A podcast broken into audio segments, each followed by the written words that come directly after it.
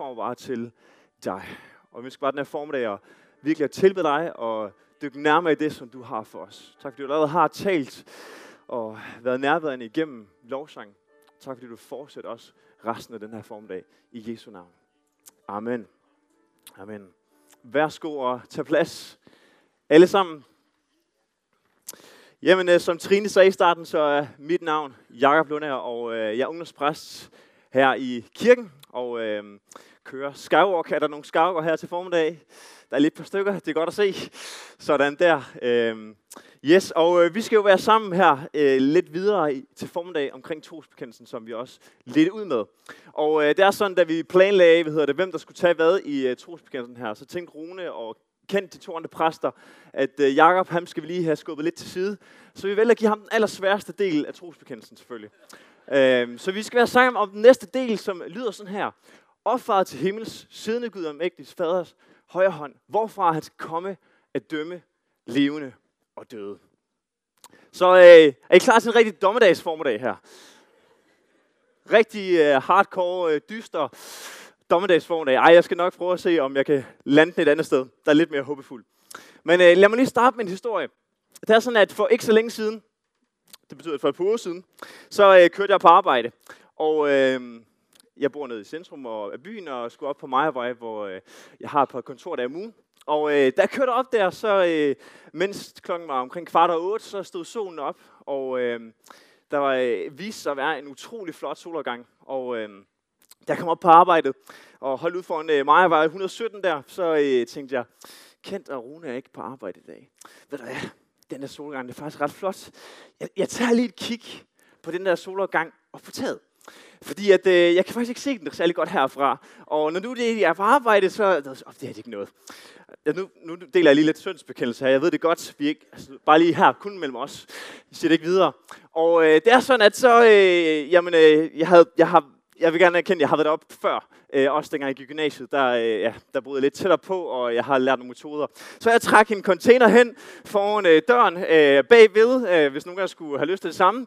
Og øh, så øh, hopper man op, og øh, jeg gik op, og så, så, så, så gik jeg op og tænkte, wow, og nød lige på øjeblikket, hvor jeg stod og så solgang her. Tog et billede, og det bare lige nød øh, en god stund sammen med mig og Gud her. Øh, fem minutter, øh, selvfølgelig bare. Så øh, vendte jeg ellers om, hoppede ned igen og skubbede containeren på plads, låste mig ind og satte mig på min plads, og øh, begyndte at gøre dagens god gerning. Og øh, 20 minutter senere, så opdager der kommer kørende en politibil bare lige uden foran vinduet. Og øh, tænker Nå okay, jamen altså, det er Nordbyen. Øh, det kan jo ske. Og øh, to minutter efter, så kommer øh, der en politibetjent gående med en telefon ved, ved øret og sådan banker på døren. Har du lige været op på taget? Og så er sådan lidt, ja, det har jeg faktisk.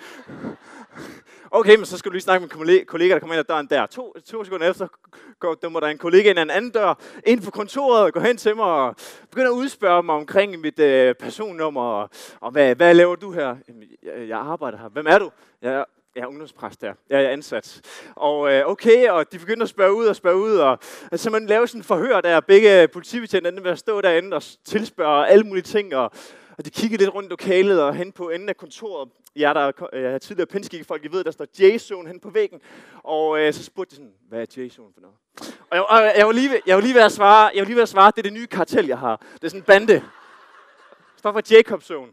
Og øh, det er mig, der leder det selvfølgelig. Ej, og jeg forklarede, at det var Sines lokale. Altså, vi har kontor her. Jeg begyndte at forklare omkring sammenlægning, og hvordan at kirken har... Det har været men nu er det ikke længere Pinskirken, nu er det frikirken, men det samme lokale. Og, og jeg, jeg, det blev en lang forklaring, det her. Og, øh, og jeg endte med at vise dem rundt ind i kirken, og de spurgte, hvad jeg lavede op på taget, og sagde, at jeg kunne også være op og gøre vinduer rene, og det ene og det andet. Ja, de kunne også se, det var også højt op og sådan noget. Og han ender med at sige til mig faktisk den ene, at næste gang du går op på taget, så husk lige at tage præstekjolen på.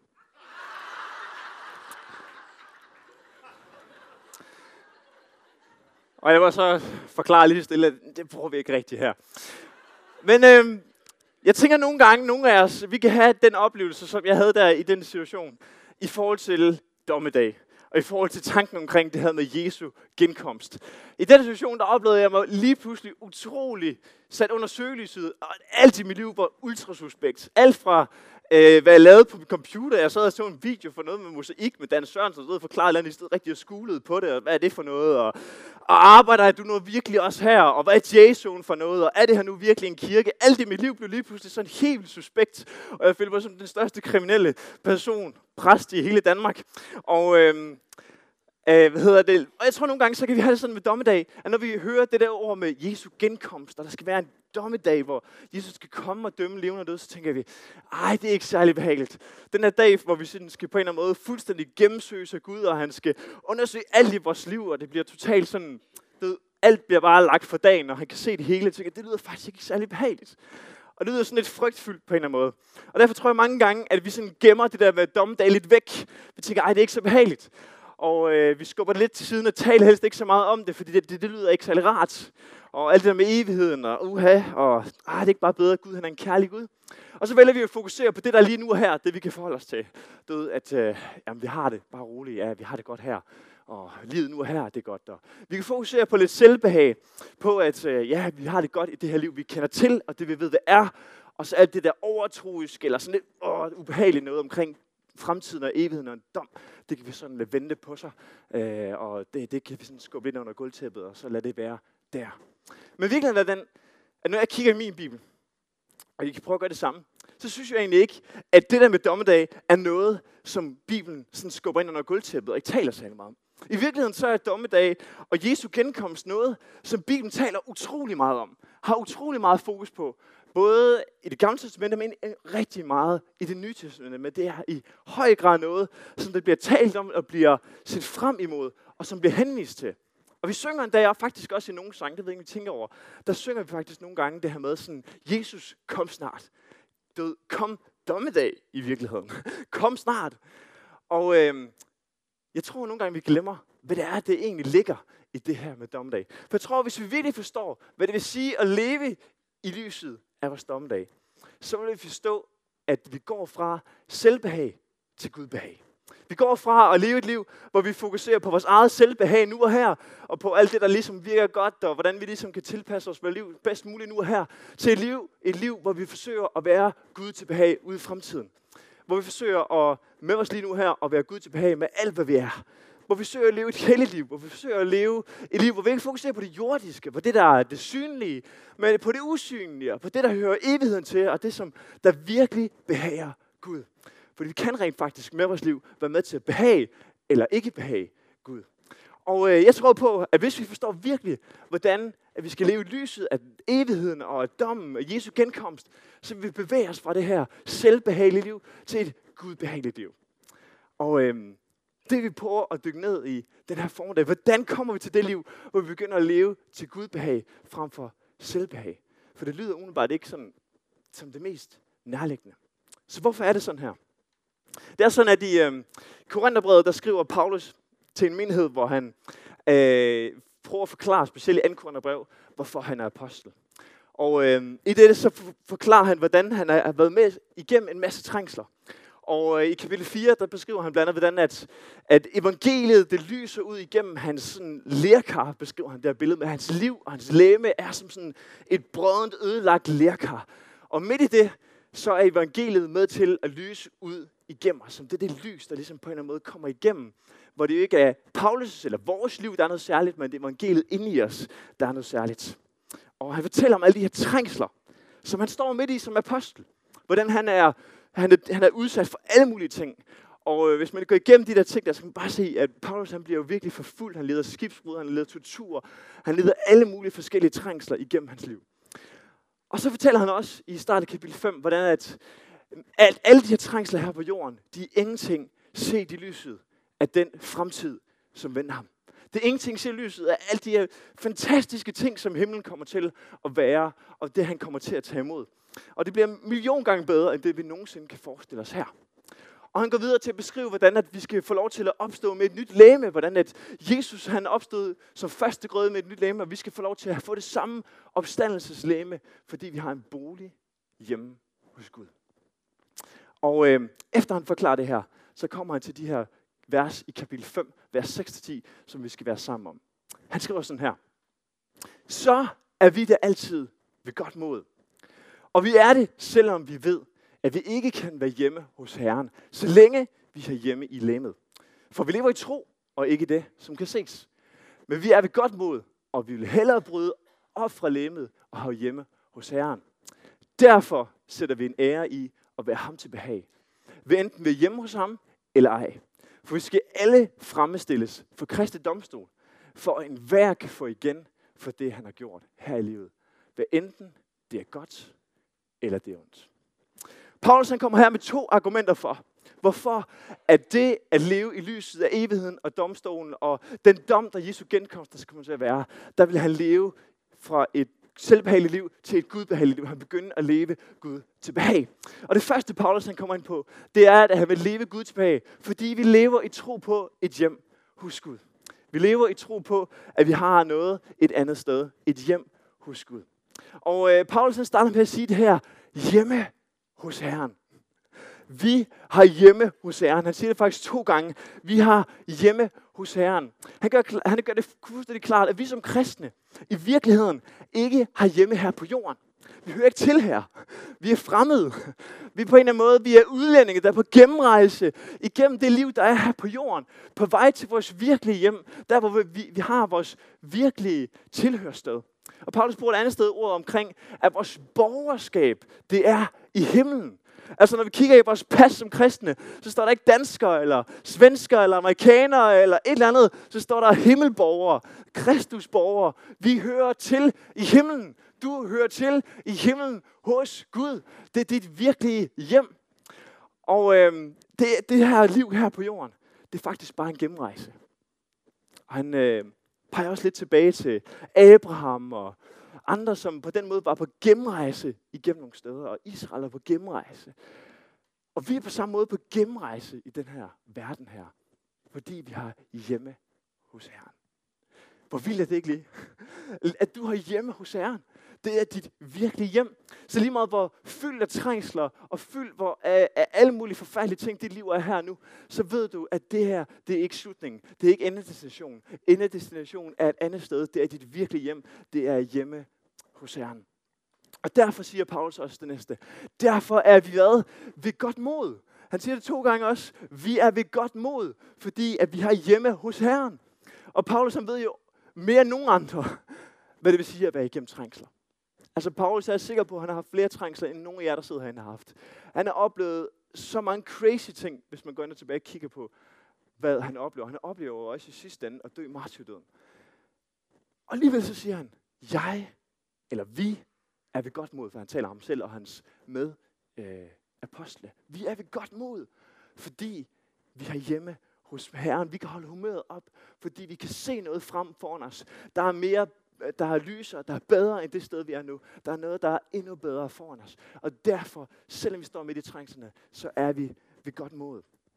Og det, som Paulus kan se foran sig, det her, det her med at være hjemme hos Herren, som jo er langt bedre end det, som vi kan lige nu, hvor der bliver beskrevet, at vi bare kan kende Herren.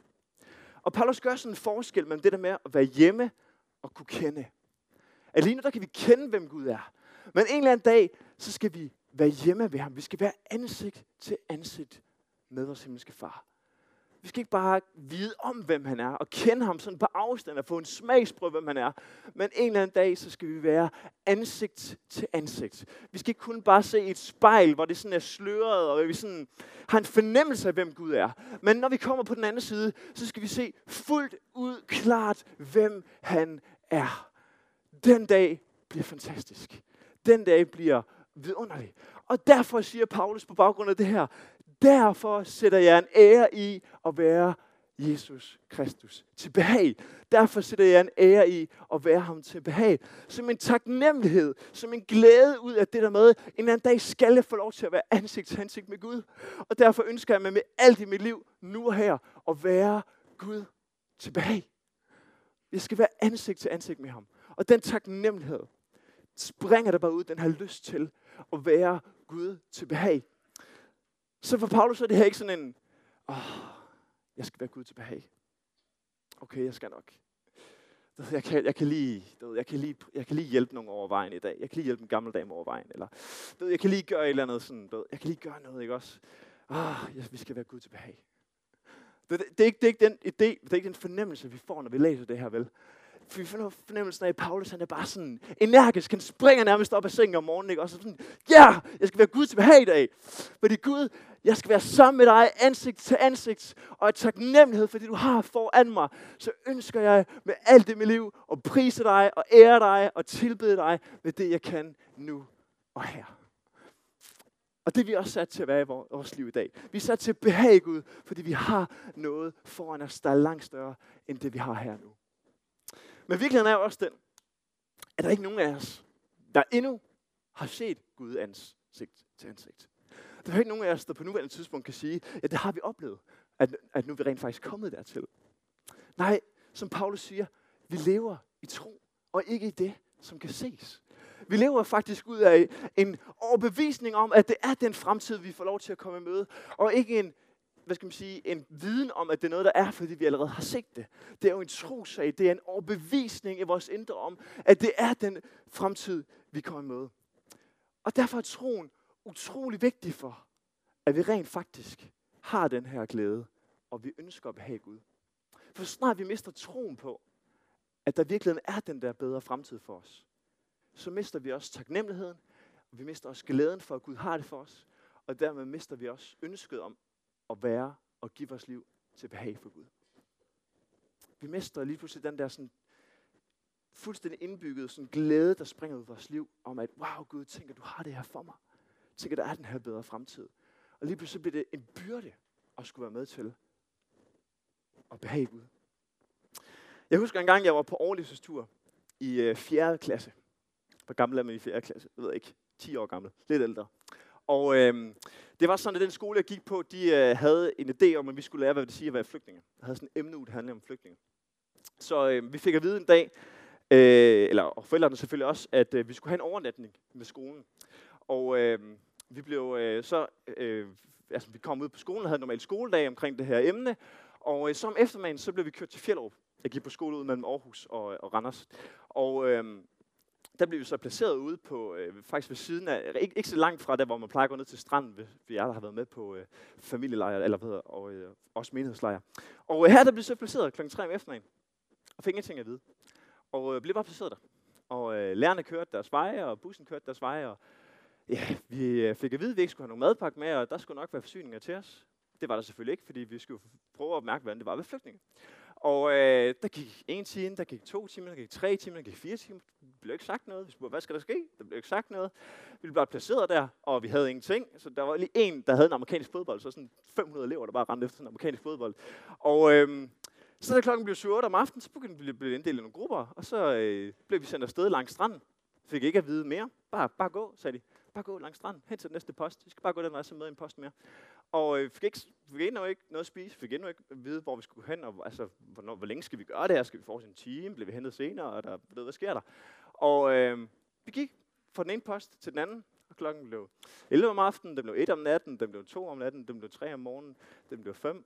Vi gik hele natten, og øh, blev lige stille sendt igennem Djursland tilbage til skolen.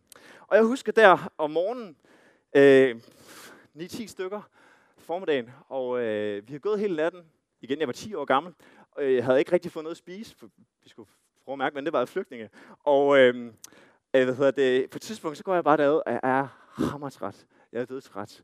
Og lige så, så kan jeg bare ikke, magte jeg bare ikke mere at gå mere. Jeg kan bare mærke sådan, altså jeg, jeg ved ikke helt om, jeg på et tidspunkt vidste jeg ikke rigtig, hvor jeg er henne. Min geografi var åbenbart ikke så god. Men jeg kan bare huske, at jeg tænkte, der er langt hjem. Jeg ved ikke, hvor jeg er henne. Vi er faret vildt et eller andet sted. Og vi så ikke nogen andre grupper omkring os længere. Og, sådan nogle ting. og så begyndte jeg bare at græde.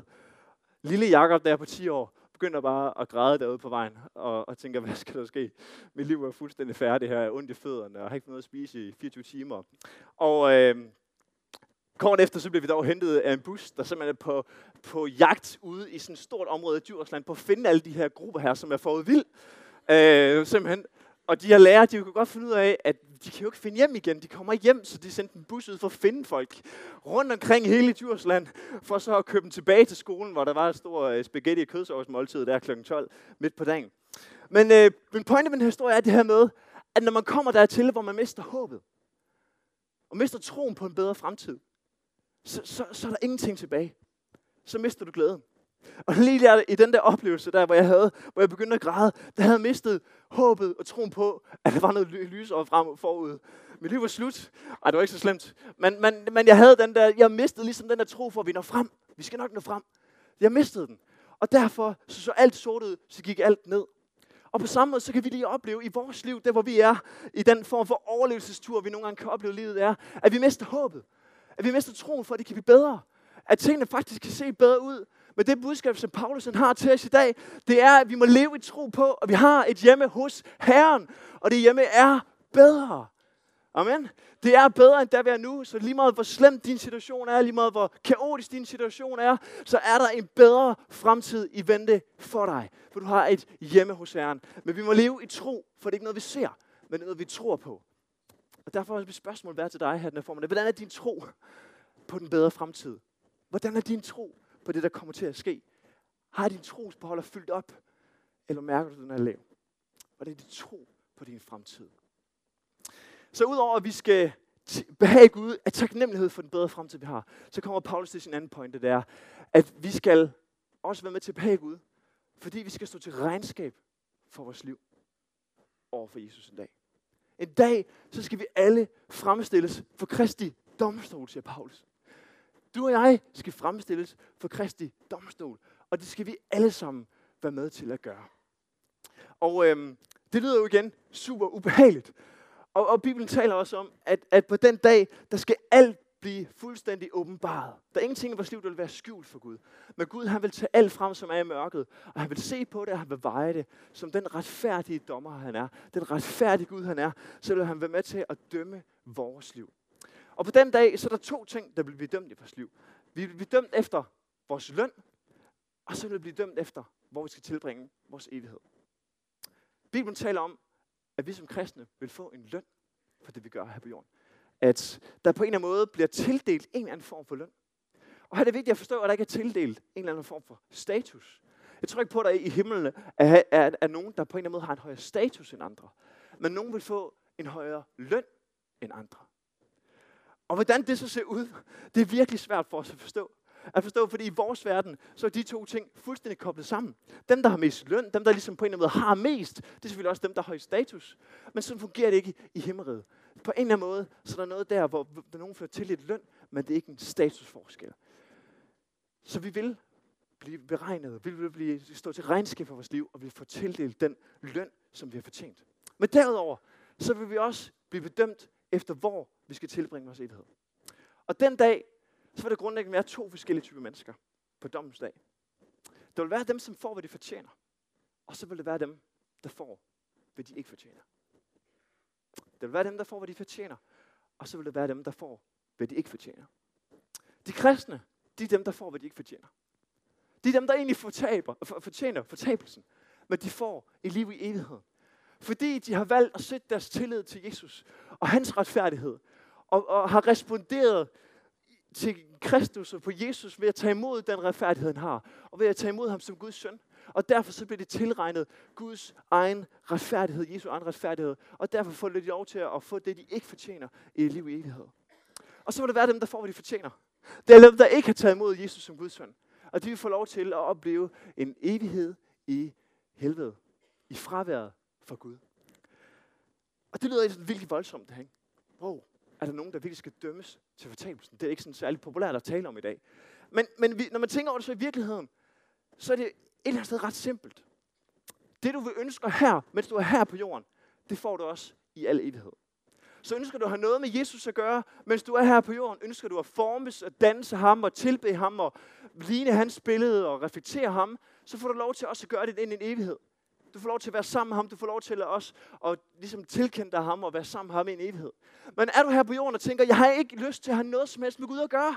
Jeg ønsker ikke at have noget med Jesus at gøre. Han har ikke lov til at påvirke mit liv og bestemme mit liv. Så siger Jesus, that's fine with me. Du får lov til at bruge en evighed i total fravær af mig. Altså helvede. For det er sådan den korteste beskrivelse, jeg kan give af helvede. Det er total fravær af Gud. Der er ikke nødvendigvis en ildsø. Det er billedet i tale, som Bibelen bruger. Men det er totalt fravær af Gud. Og du i dag kan få lov til os at bestemme, hvor ønsker jeg at tilbringe min evighed?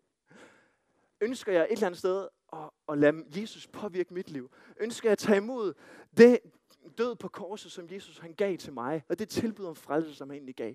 Ønsker jeg at tage imod det?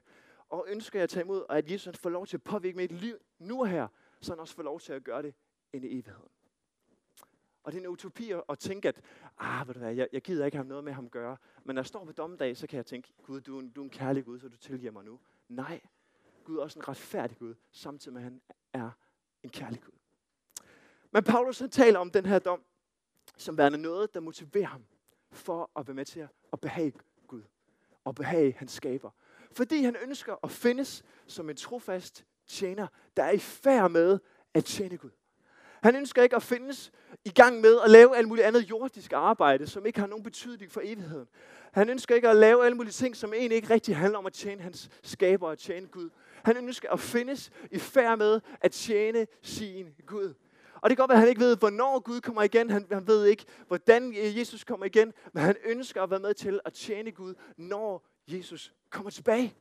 Og derfor siger han, jeg ønsker at behage Gud med alt mit liv. Jeg ønsker at tjene ham og bruge mit liv til at, at tjene ham. Fordi jeg ønsker at være en trofast tjener. Og her taler Paulus ikke om gerninger, han gør for at blive frelst. Når han taler om gerninger, der springer ud af troen, der demonstrerer, at han er frelst. Meget vigtig forskel. Han taler ikke om gerninger, der skal gøres, fordi når jeg så kan vise jer frelst til, hvor god jeg er Gud. Når han taler om trosgerninger, så springer ud af, som demonstrerer, at han allerede har taget imod Kristus i hans liv. Og på samme måde, så var vi, vi også være med til, hvis vi har taget med Jesus, og ønske at tjene ham, fordi vi ønsker at findes af Jesus som en god og trofast tjener, der var med til at tjene ham, når Jesus kommer igen. Og så er nogen, der spørger, jamen Jacob, hvornår kommer Jesus igen? Hvornår kommer han igen? Hvor længe skal der gå? Nu er der gået 2000 år. Hvornår sker der noget? Og i Nye Testamentet havde man sådan en idé om, at Jesus han nærmest kom igen i morgen. Det var sådan en nær forventning til, at Jesus kommer igen. Og nu er det gået 2000 år. Skal vi bare droppe ideen, eller hvad? Er det, er det bare sådan, hvad der sket? Og øhm, jeg tror egentlig på mange måder, vi skal leve med den samme nære forventning om Jesu genkomst som dengang.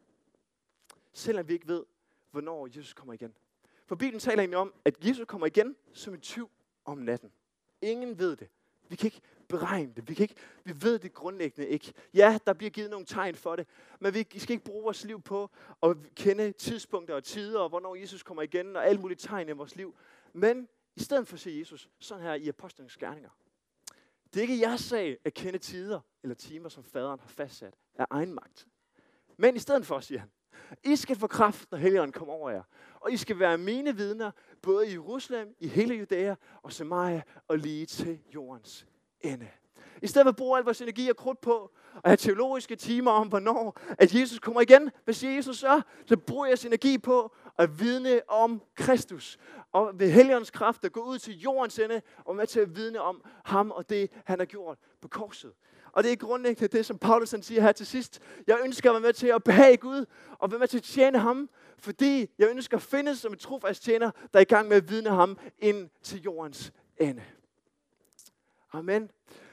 Så Paulus han siger i de her vers her, hvis vi ønsker at gå fra selvbehag til Gud behag, så skal vi forstå, at det er fordi, vi har et hjem hos Herren.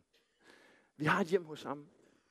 Vi har en, en taknemmelighed, en glæde, der ud over alle grænser bare tvinger os nærmest til at være med til at behage ham med vores liv. Vi ønsker at tjene ham med vores liv. Fordi at vi har så meget godt i vente. Men derudover, så skal vi også stå til regnskab med vores liv over for ham. Og fordi vi skal det, så ønsker vi bare at findes i gang med at være den her trofaste tjener, der er med til hele tiden at, at tjene Gud og behage den Gud, den mester, som vi er sat i verden til at tjene. Og derfor så ønsker vi alt, hvad vi gør, og behage vores liv. Eller Gud med vores liv. Så for Paulus, så er dommedag ikke sådan noget, vi skal gemme væk. Paulus han skubber det ikke ind under gulvtæppet. Det er ikke sådan en frygtsom ting, han skubber ind under og siger, ah, det behøver vi ikke tænke på der. Det behøver vi ikke tale om. Han tager det faktisk frem, og så siger han, se på det her. Se på dommedag. Se på, at Jesus kommer igen. Se på den her evighed, som kommer efter dommedag. Vi skal kigge hen imod den, og vi skal leve ud fra den. Vi skal leve med forventning om den, og vi skal sige, Jesus, kom os nær. Men det kan være, at du er her den her formiddag og tænker, ej, jeg oplever faktisk ikke det her med at leve Gud til behag. det er noget, der sådan springer ud af mit liv. Og jeg tror, der er nogle af jer, I har brug for at handle på de her to punkter, som jeg har talt om her til formiddag. Der vil være nogle af jer, der har brug for at få en fornyet tro på, at Jesus han har en bedre fremtid.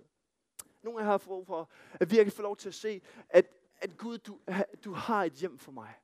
Du har en bolig klar til mig, som er endnu bedre end det liv her på jorden. Og den er så sikker for mig. Og nogle af jer har brug for den her fornyede tro, som jeg taler om. Fordi vi lever i tro, ikke det, der kan ses. Og derudfra så vil vi opleve, at glæden kommer tilbage til at være med til at leve Gud til behag. Og så er der måske også nogle af jer, som har brug for på en særlig måde at forstå det her med, at vi skal stå til regnskab med vores liv. Og måske nogle af jer, der sidder og tænker, at hvis, hvis Gud han kom igen i morgen, så vil han ikke finde mig i færd med at tjene ham. Så vil han finde mange dele af mit liv, hvor jeg laver alt muligt andet. Hvor jeg fløjter omkring og død, virkelig bare tjener mig selv, og jeg virkelig ikke tjener den Gud, som jeg er skabt og sat til at tjene her på jorden. Og jeg tror, Gud han ønsker at give dig en fornyet forståelse af, at du skal være med til at stå til regnskab over for Gud. Og derfor ønsker du at være en trofast tjener. Ikke ud af frygt for, at, åh, hvordan skal Gud finde mig? Uha, det bliver frygteligt det her. Nej, ud af glæde, fordi du ønsker at give tilbage til den skaber, der har givet dig alt. Og øhm, lige om lidt, så kunne jeg godt tænke mig, at øhm, vi ikke havde en decideret lovsang, men jeg kommer til at sætte en lovsang på. Øh, den starter ikke nu, men lige om lidt. Og øh, det er den sang, som er indspillet under Brighter-konferencen, den her ungdomskonference, der var her i efterårsferien, som er lavet af Simon Pedersen her fra kirken. Og øh, den handler om evigheden, den, handler, den hedder Nu og for altid. Og jeg kunne godt tænke mig, at øh, mens sangen bliver spillet her de næste 5 minutter, at I bare sidder og reflekterer over, hvad er det egentlig, I har fået at vide den her formiddag? Hvordan forholder jeg mig til det her med at leve Gud til behag? Hvordan forholder jeg mig til det her med, at Gud har en bolig for mig, et hjem, jeg har et hjem hos ham. Hvordan forholder jeg mig til det her med, at jeg skal stå til regnskab for ham? Og så bagefter den sang, så vil Olli og Bands komme op, og så vil de spille en sang mere. Og så vil der være mulighed for at gå til forband bagefter. Og grib chancen der, hvis der er noget under den første sang her på videoen, hvor I tænker, det her, det rammer mig lige. Jeg har brug for at handle på det her. Jeg har brug for at bede sammen med nogen. Så gå op efterfølgende til lovsangen og blive bedt for, eller bede sammen med nogen. Og hvis der er noget helt andet, du måske oplever, du har brug for at blive bedt for eller sammen med, så er der også mulighed for at gå frem for det. Men øhm, jeg må lige bede en bøn, og så lad os høre videoen her, eller lovsangen af Simon Pedersen. Men jeg beder lige en bøn først. Himmelske far, tak fordi, at vi kan få lov til at leve dig tilbage. Tak fordi, at, at du, øh, du kommer igen. Du kommer igen for at dømme den her jord. Og du kommer igen for at iværksætte den evighed, som er på den anden side. Og tak fordi, at vi kan få mulighed for i dag at tage imod dig, Herre, som vores frelser. Vi kan få, få lov til at tage imod dig, så vi kan få lov til at leve en evighed med dig. Jeg beder dig virkelig om, at vi må få lov til at se vores liv i lyset af den her evighed, og i lyset af den her dom, Jesus. Vi må få lov til at leve vores liv med dig til behag. Ud af glæde, far, for det, som du har for os, her. Det beder dig om i dit navn. Vi må blive sådan en menighed, der bare er en velduft for dig, fordi vi lever dig til behag. Det beder dig om i dit navn. Amen.